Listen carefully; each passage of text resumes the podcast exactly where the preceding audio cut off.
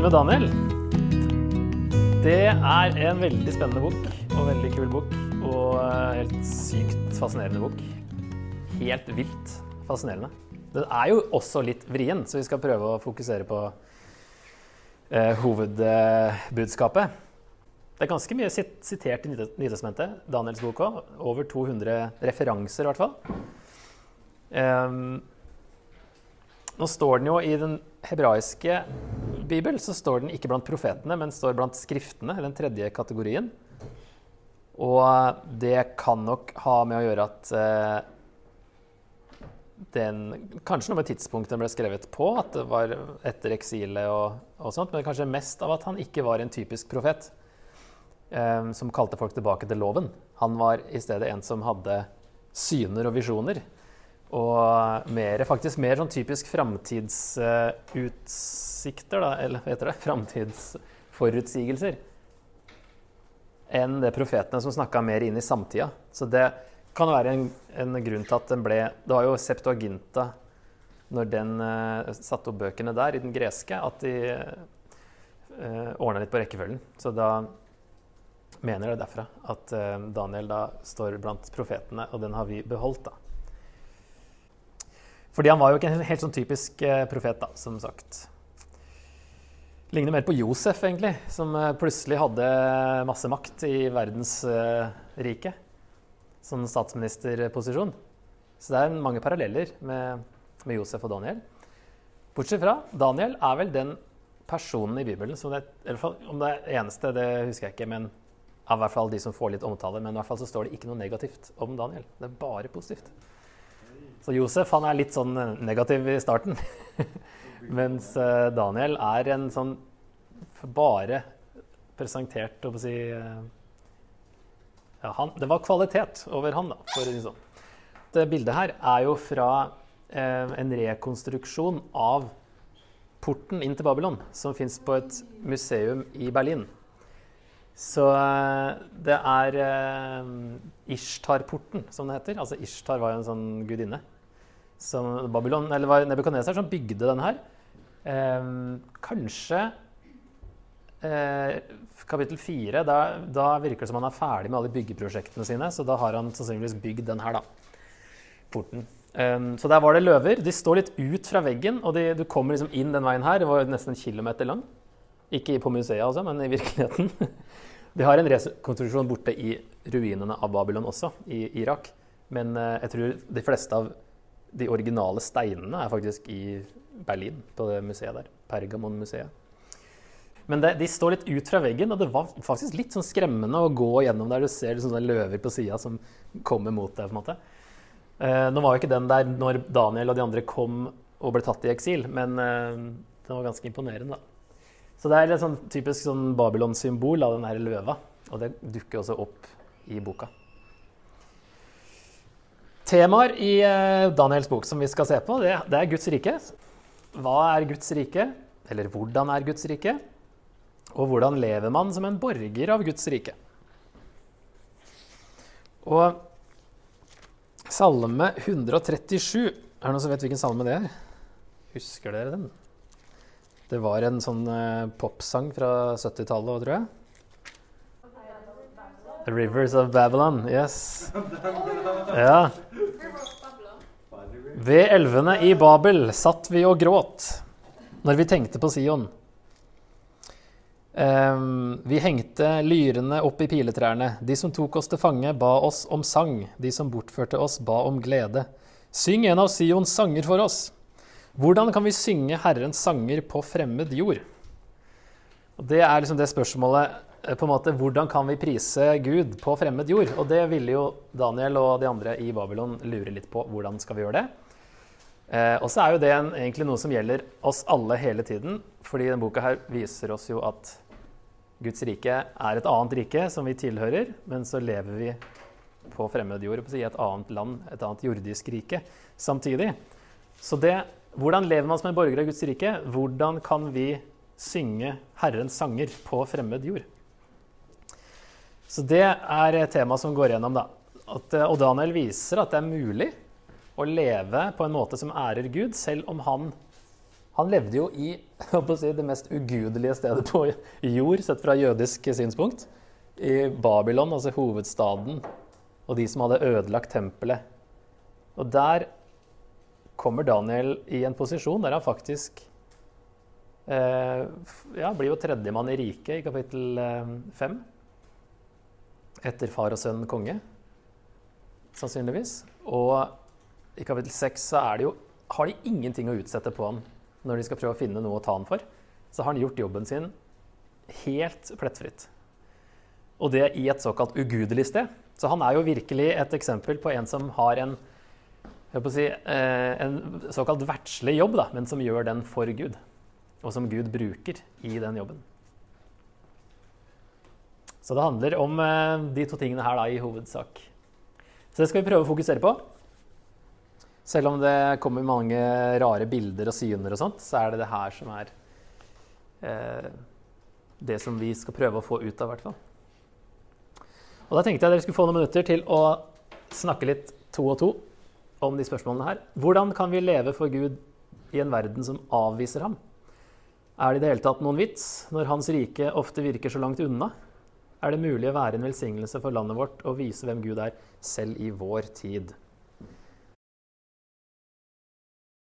Men eh, vi må jo liksom inn i dette her igjen, da. Eh, tid og sted. Babylonske riket var såpass stort som det der.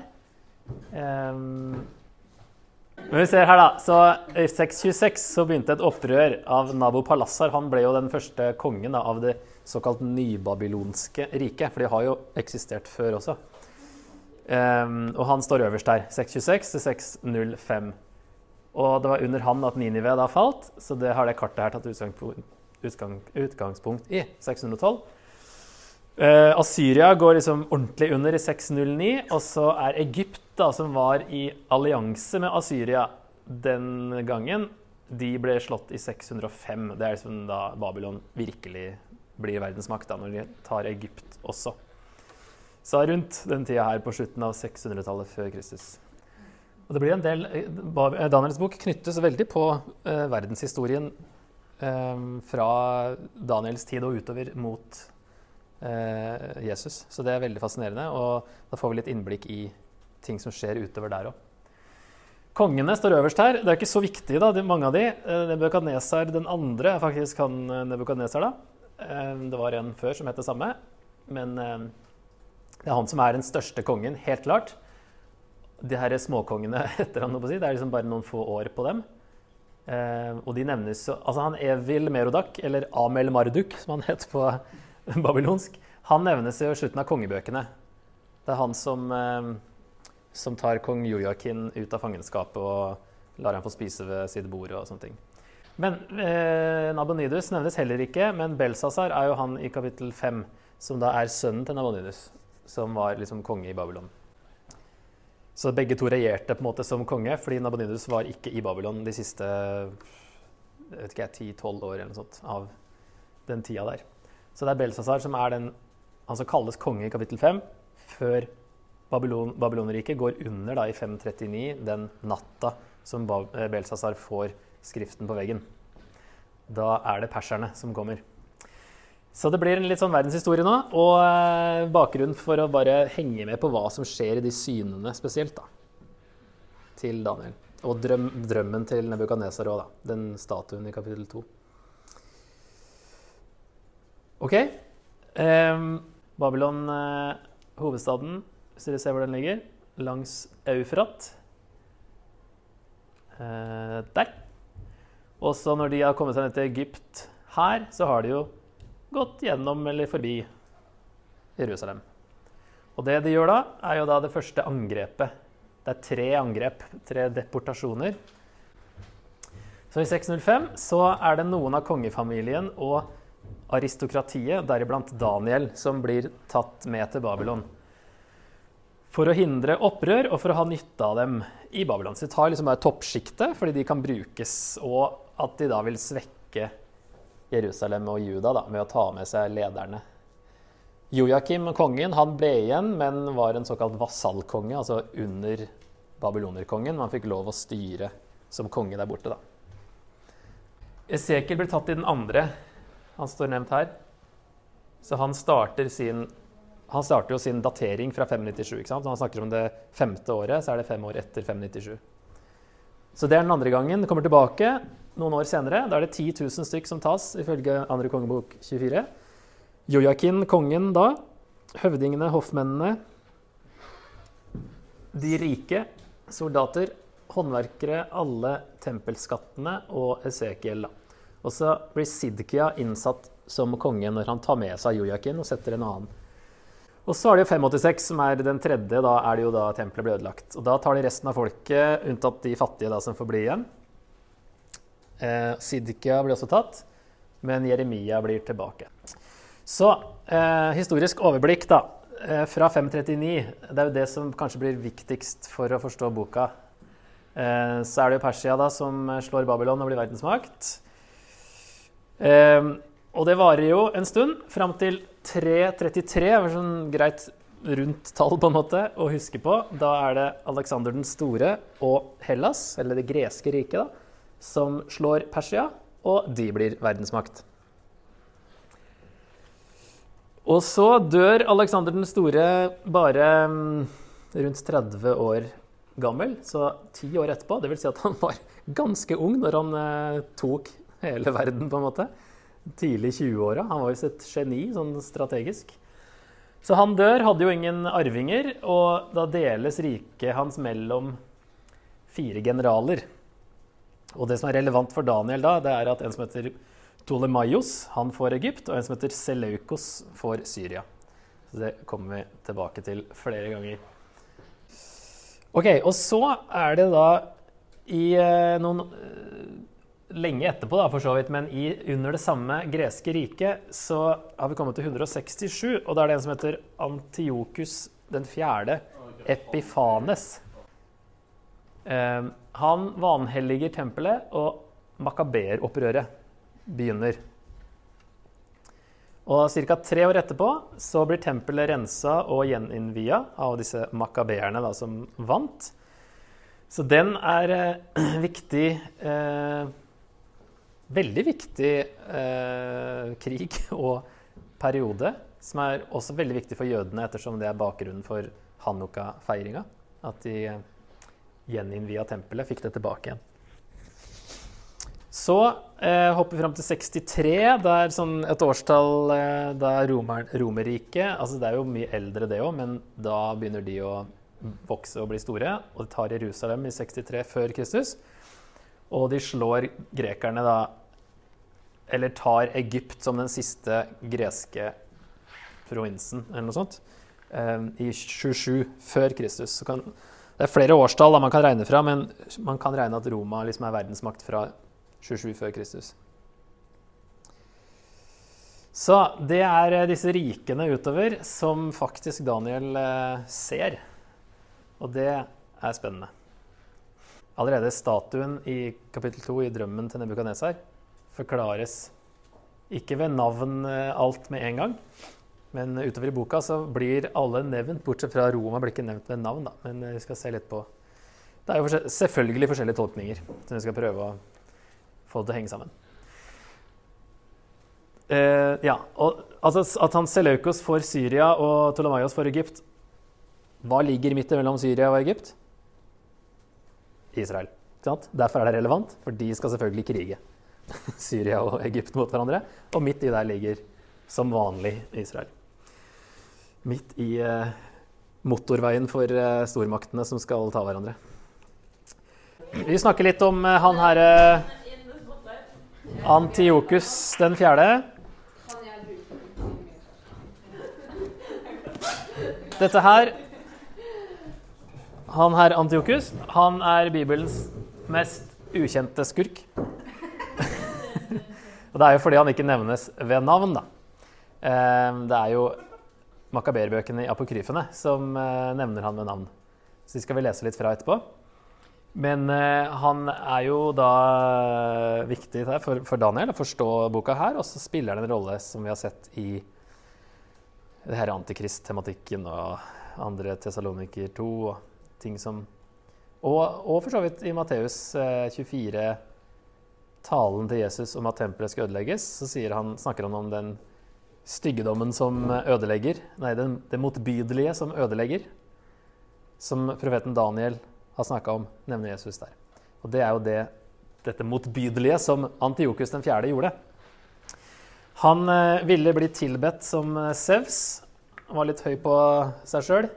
Tok navnet Epifanes, som betyr åpenbart, men ble ofte kalt Epimanes, som betyr galning i stedet. Så han var litt sånn litt sprø, da. Eh, når man vil bli tilbedt som Gud, så er man kanskje litt sprø i utgangspunktet.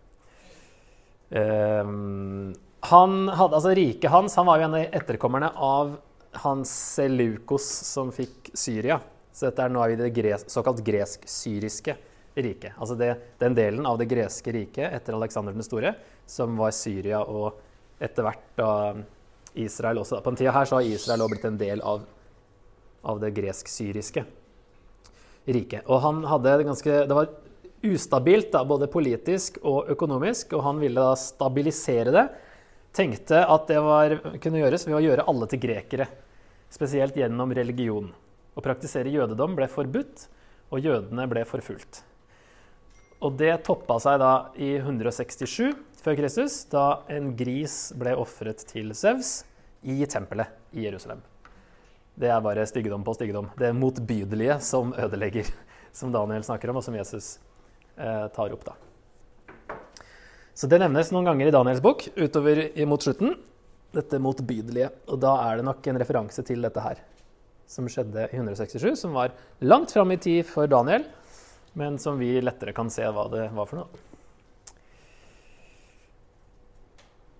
Og da skal vi lese litt fra Makaberbøkene, første og andre Makaberbok, som er de, to av de bøkene i apokryfene. Og det er jo ganske interessante bøker. Altså, det er jo eh, historiske bøker som, som, forteller om det her makaber-opprøret.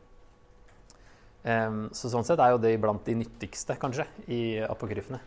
Der man kan uh, få innblikk i det som skjedde, så man kan lettere forstå Daniel også. Ok, men Her leser vi fra første kapittel, faktisk, i første Makaberbok. Kong Antiokos sendte ut en forordning til hele sitt rike om at alle skulle være ett folk, og at hver og en skulle oppgi sine egne seder og skikker. Alle de hedenske folkeslagene rettet seg etter kongens ord. Endog mange i Israel syntes godt om hans gudsdyrkelse og begynte å ofre til avgudsbildene og vanhellige sabbaten.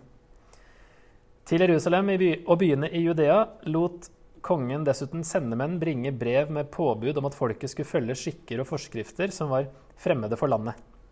Det ble forbudt å ofre brennoffer, slakteoffer og drikkeoffer i tempelet. Sabbater og festdager skulle vanhelliges.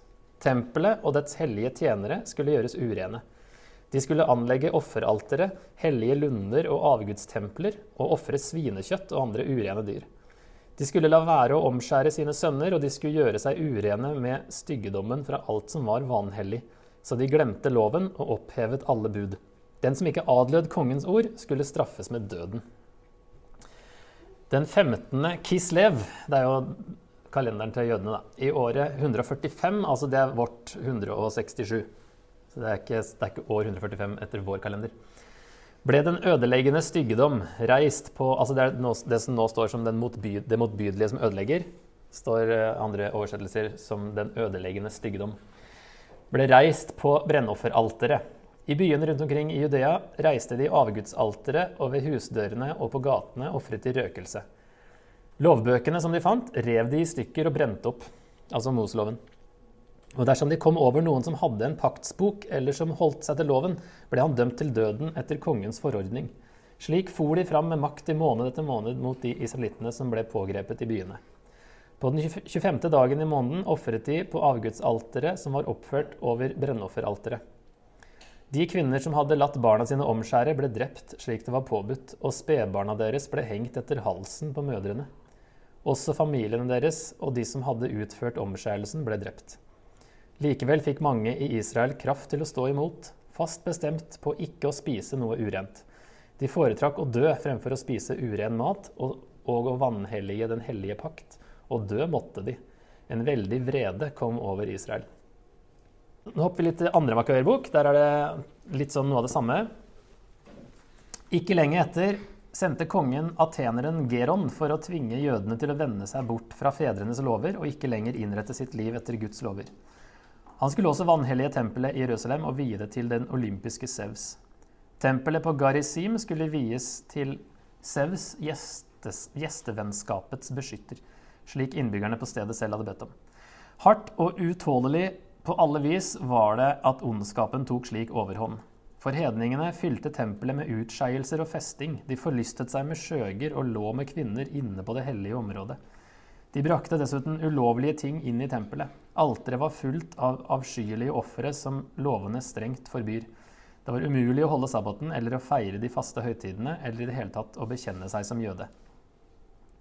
Ved den månedlige feiringen av kongens fødselsdag ble jødene Månedlig feiring av kongens fødselsdag ble, ble jødene med brutal makt tvunget til å delta i hedenske offermåltider.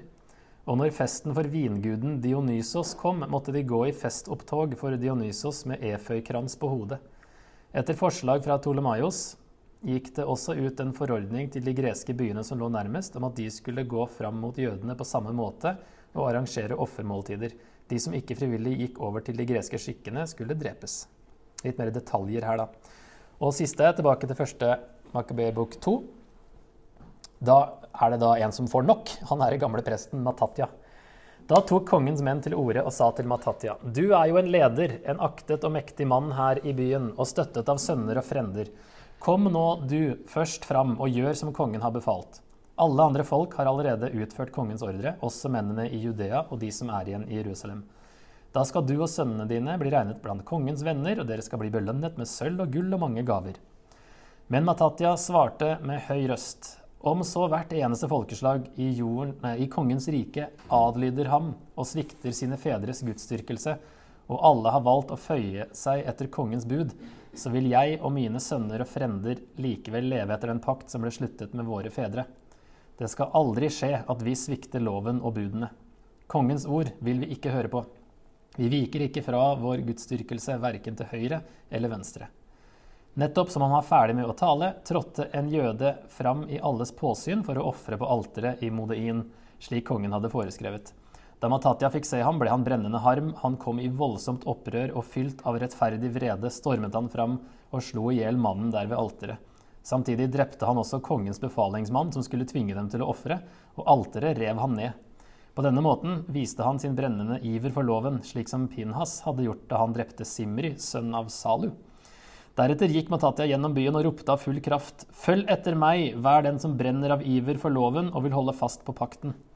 Han og sønnene hans flyktet opp i fjellene og etterlot alt de eide i byen.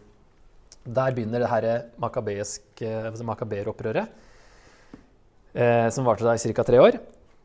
Og eh, han her Matatya, en gammel prest som eh, starta det, de rev ned hedenske altere, omskar uomskårne barn. Og så er det sønnen hans, Judas Makabeus, han som har gitt navn da, til opprøret. Makabeus det kommer av eh, et ord som betyr hammer. Så er det som Judas hammeren. Så han slår ned på disse grekerne da, som vil gjøre alle til grekere. Så han leda opprøret fra 166. Bekjempet seleukidene, altså det er de gresk-syriske styresmaktene. Ødela Sefs-alteret i Jerusalem, bygde et nytt alter og innsatte en prest som hadde vært trofast mot Gud. Ganske nøyaktig tre år etter vanhelligelsen ble tempelet gjeninnviet og de daglige ofringene tatt opp igjen, som da er bakgrunnen for Hanukka. Ok, struktur. De første seks kapitlene er narrativer, altså fortellende tekst. Mens eh, de seks siste er det vi kaller apokalyptisk, eller der, der det er syner og visjoner og dyr og horn og sånne ting. Som Johans åpenbaring henter mye fra. Um, så har bare lagd noen stikkord her for å se noen paralleller etter hvert. Uh, mat og nekting i kapittel 1. Statue i en drøm i kapittel 2. En ny statue i kapittel 3 og mer nekting. Nebukadnesar blir eh, dømt i kapittel 4. Belsazar blir dømt i kapittel 5. Så handler det om bønn i kapittel 6. Daniel vil ikke be til uh, den nye kongen, og han nekter. Da er de jo kommet inn i Perserriket. Så er det de visjonene. Syn om fire dyr, kapittel 7. Så er det et syn om to dyr i kapittel 8. Og så ber Daniel, for nå, da har han skjønt at nå burde eksilet snart være over. Så han har lest i Jeremia, står det, og så ber han, for han ser at de 70 årene nå begynner seg slutten. Eh, og så får han til svar at, eh, et sånt kryptisk svar om at eh, 70 uker gjenstår, og så skal de Eller 77-ere, som det egentlig står. Og så tolker man det som 490 år, kanskje, eller er det symbolsk? Ja. så får han svar på at ok, eksilet er over, men det betyr ikke at alt er over. Og så er det tre siste kapitlene et ord om en strid. Så det er liksom én visjon av de siste tre. Men det er ikke kronologisk, sånn som det står nå. nå er det, det, er ganske kronologisk, men ikke helt. Men nå står det etter sjanger og kronologi, da. Men sjanger trumfer kronologien. Fordi kronologisk så skulle det vært eh, sånn at 7 og 8 kommer før 5. Og så kommer 9, og så kommer 6. Så eh, det er da sånn boka er satt opp, så er den satt etter sjanger. Så hvis vi ser litt mer på kronologien, så eh, er det interessant å se, da. Hvis vi regner at Daniel var ca. 15 år da han kom. Han er i hvert fall ganske ung, og det er ofte sånn tenåring man tenker seg. Så 15 er et sånn ganske rundt tall. Ehm, så er han faktisk kapittel 6, Løvehulen. Han er 81 år når han er i Løvehulen. Det får man ikke alltid innblikk i på søndagsskolen. At han er såpass gammel. Og da lever han til han er 83, da, de siste, siste tre kapitlene. For han daterer det ganske greit. Kapittel 3 har han ikke noe dato på, men Septuaginta sier at det skjedde i 586, så det er mulig. Da er det i så fall 34. Og hvis kapittel 4 da skjer etter at Nebukadneser er ferdig med alle byggeprosjektene og gjøre Babylon helt fantastisk, så var det da i 575 han bygde den Ishtar-porten, og det, han liksom var spesielt stolt over den. da. Og da er det i så fall Daniel 45 ca. der, da. Så det er jo, altså Han lever et langt liv. og Det er ikke så mye som nevnes, ikke sant? men det er noen viktige hendelser som nevnes. Ellers så levde han et ganske vanlig fra dag til dag-liv og gjorde en god jobb i Babylon.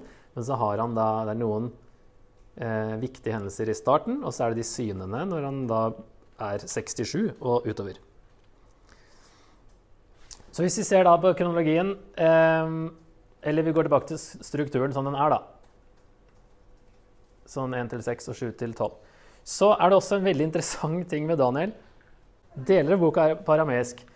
Så da har vi Første kapittel er på hebraisk, og så er det der det står i to um, Stjernetyderne svarte kongen på arameisk, og derfra er det på arameisk helt til kapittel 8 kommer.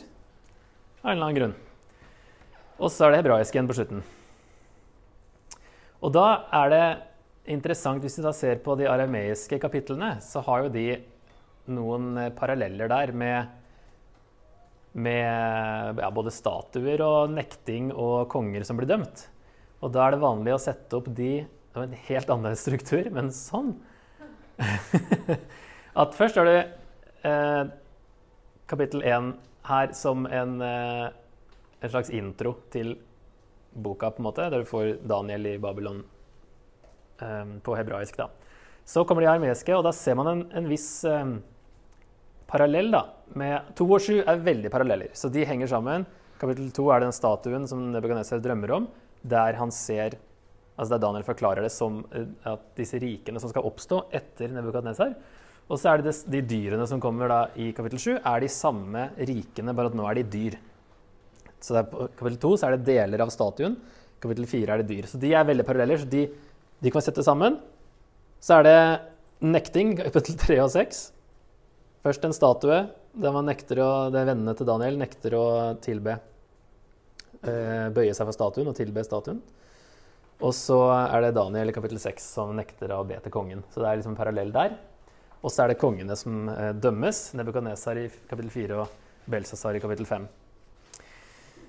Um, ehm, så hvis vi tenker på språket, da, så i hvert fall en vanlig tanke, selv om det er vanskelig å vite helt hvorfor, hvorfor det er skrevet på arameisk, så tenker man at det er fordi det er adressert til verdens konger. Det ligner jo veldig på hebraisk, da. Det er samme alfabetet, og det ligner jo veldig. Men, men det er likevel da skrevet til um, verdensspråket. Sånn at flere enn jødene kunne forstå det. Og det er jo det språket de også snakka på Jesu tid. Selv om skriftene var på hebraisk, så snakka de arameisk. Så det er veldig beslekta, men av en eller annen grunn. Så det er her, og så er det noen av de her brevene i Esra som uh, perserkongen skriver, som er på arameisk. Så det er jo liksom interessant at de kanskje har kopiert det fra originalspråket òg, inn i Esra. Men kanskje adressert til verdens konger, at det er eh, poenget. Og så i en sånn her det, Dette er jo en kiasme, sant? En sånn parallell med et sentrum. En X-struktur, som vi har sett før. Og da er i så fall fire og fem som er, eh, som er eh, eh, sentrum. Én konge omvender seg, og én ikke. Nebukadnesar innser at Gud er større. Belsasar han eh, bryr seg ikke. Så i så fall så er det klimakset på en måte i den arameiske delen at Gud vil anerkjennes av verdens konger. Og en sånn speiling, da, når man begynner å se kanskje her i kapittel 4 og 5, når man leser det og var vant til å se sånne strukturer, så ville man jo OK, her er en parallell. Oi, en kontrast mellom de kongene. Og så når man begynner, kommer til kapittel 6, så ser man ok, det er noe lignende kapittel 3. Altså, det blir en sånn leserforventning, da, en leseglede kanskje. I, tillegg til at det er eh, I stedet for å bruke overskrifter, så brukte man sånn struktur da, til å eh, få fram flere poeng. Um, og så er den siste 8-12 adressert til jødene, da, siden det er på hebraisk. Og det handler mest om jødene og deres, eh, hva de kommer til å møte etter eksilet. Utover i århundrene. Og så har vi noen eh, Det er jo en viss parallell her, da. Nekting, nekting og nekting i kapittel 1, 3 og 6. Der er det Daniel og vennene hans som står imot. Så da kan vi si at et tema i de tre er trofasthet i motstand. Også hvis vi skal sette en overskrift på den øverste rekka, så handler det om de fremtidige verdensrikene. Og så eh, vil det da handle om de siste hebraiske kapitlene vil handle om trofasthet i forfølgelser. Så først ja, trofasthet i motstand her, trofasthet i forfølgelser der. Og så kan vi si at de arameiske handler om at, uh, det å være trofast under hedenske konger. Så det er jo temaer eh, som uh, på, snakker om trofasthet da, forskjellige, i forskjellige aspekter. Men her er det litt lignende som i òg, en sånn såkalt progressiv parallellisme. For å bruke to litt store ord. Men du, ser, du, får et innblikk i ting i kapittel 2, så får man mer, men det er likevel en repetisjon i kapittel 7, men flere detaljer. Og så henter kapittel 8 tilbake igjen to av de dyrene, på en måte. Selv om det er andre dyr, så handler det om to av de fire rikene fra kapittel 7. Og så eh, kapittel 11 så kommer vi inn på eh, det her som han Antiokus gjør spesielt, da. Og eh, den i det andre århundret. Så det, det handler om den perioden, men henter opp forskjellige steder og, og gir mer info. Da. Progressiv parallellisme. Men her er det også en kan også kalle det for en ABA-struktur med språket. da. At den veksler sånn sett. Ok, Så temaer da, i denne boka er jo da de fremtidige verdensrikene, det er trofasthet i motstand, og at Gud vil anerkjennes av verdens konger. Og som eh, tittel, eller hovedtema, som jeg har satt på, i hvert fall på nettsida, så er det at Gud styrer historien for å opprette sitt evige rike. Det er hovedtema. Gud styrer historien for å opprette sitt evige rike, og han vet om ikke da at fremtiden liksom er skrevet og ferdig, men Gud vet hvordan han kan få ting til å skje i fremtiden. Og så sier han på forhånd at dette kommer til å skje, fordi han kan lett få det til å skje med å påvirke mennesker til å gjøre det han vil. Folket må være trofast som Daniel og vennene hans. er jo dette med trofasthet i motstand. Og at det kommer mer motstand, men Guds rike vinner, er jo et tema også. Det er ganske fascinerende, dette med hvordan Gud styrer historien. Og Her får vi litt innblikk i det vi har sett mye av foreløpig. da, At Gud reiser opp og styrter ned konger og jordiske riker. For å få sin vilje til å skje, og for å stoppe ondskapen når det går for langt. Det har vi jo sett og snakket om, om flere ganger. Men um, her blir det òg veldig tydelig at Gud vet hvilke riker som kommer etter Babylon. Veldig fascinerende. Så det er sjelden da, at det sies så tydelig den, som det gjør her i Bibelen. Så det er ganske unikt. Datering kan vi snakke bitte litt om. Det er to forskjellige dateringer, men det ene har et veldig ateistisk opphav og en, eh, som regel forbundet med at man ikke tror at det er sagt før det skjer i Daniel. Og da plasserer man det til etter Makaber-opprøret. Og sier at det er en, en, fyr som satt der, og som lagde de historiene her, eller kanskje hadde noen tradisjoner om Daniel som han skrev, og så, og så lata han som at han, det som han skriver, er profeti, men det har allerede skjedd. Det var en på 300-tallet, som eh, en uh, filosof som kritiserte kristendommen da, og mente at det her var bare bløff. Fordi de kristne brukte Daniels bok veldig sånn Se, da! Det her har jo forutsagt lenge før. Og så, Nei, det har jeg sagt etterpå. Og så har, det er liksom den, I akademiske kretser da, så er det faktisk vanlig å datere den til etter Makaber-opprøret. Ganske trist, egentlig. Eh, lenger så var, var språk en, eh, et argument på at språket høres ut som det er så ungt.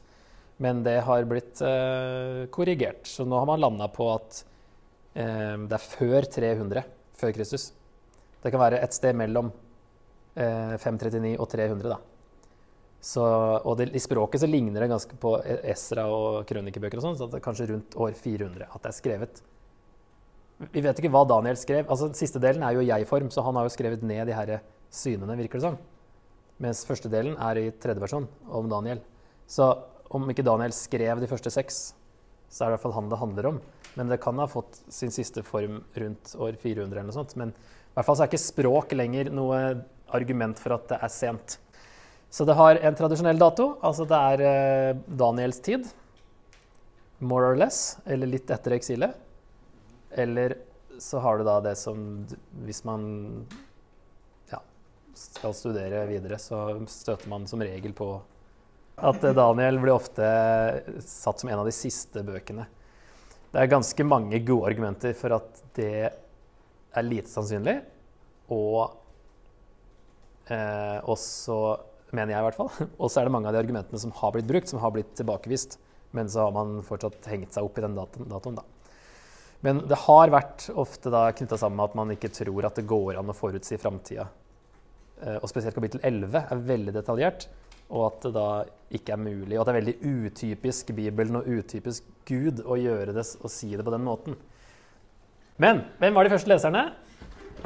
Kanskje tre forskjellige, da, sånn totalt. Altså Først og fremst er det kanskje Juda etter eksilet. Og boka blir en oppmuntring til å holde ut i undertrykkelse og forfølgelser. At det kommer til å komme mer av det. Eksilet er liksom ikke alt, selv om det er over. Og at Guds plan, da, at ting kommer til å skje sånn at Guds plan blir oppfylt. Og den, det er ikke helt ennå at Gud kommer til å opprette sitt rike på jorda. Ifra Daniels ståsted. Og så ser det ut som at Deler av boka ser ut til å være spesifikt for det som kalles for endens tid. Og da tror jeg vi ikke skal hoppe til å tenke endetid fra vårt perspektiv. Men endens tid virker som i boka å være denne perioden under han Antiokus den altså det andre århundret før Kristus kanskje da enden på eh, den gamle pakt, si, gamle testamentet. Eller eh, når det begynner å nærme seg tida for Guds rike skal opprettes. Så det, det er i hvert fall ikke et ja, Jeg tror vi skal være forsiktige med å bare automatisk tenke endetid når det står 'endens tid'. Fordi mye av det her er veldig oppmuntrende for de som ville være da, under Antiokus 4. og oppleve det som Makaber-bøkene snakker om. Også kanskje de arameiske delene ment for verdensmaktene det gjelder. At Gud vil at de kongene skal anerkjenne han og skjønne at han, det er han som styrer, egentlig. Det er han, Guds rike, som er over alle de jordiske rikene. Ok, men da rakk jo det fint. Veldig bra. Og ta to grundig intro. Ehm, det må man altså med denne boka her. Men det blir veldig spennende og fascinerende og mye nyttig for oss om hvordan leve i Guds rike.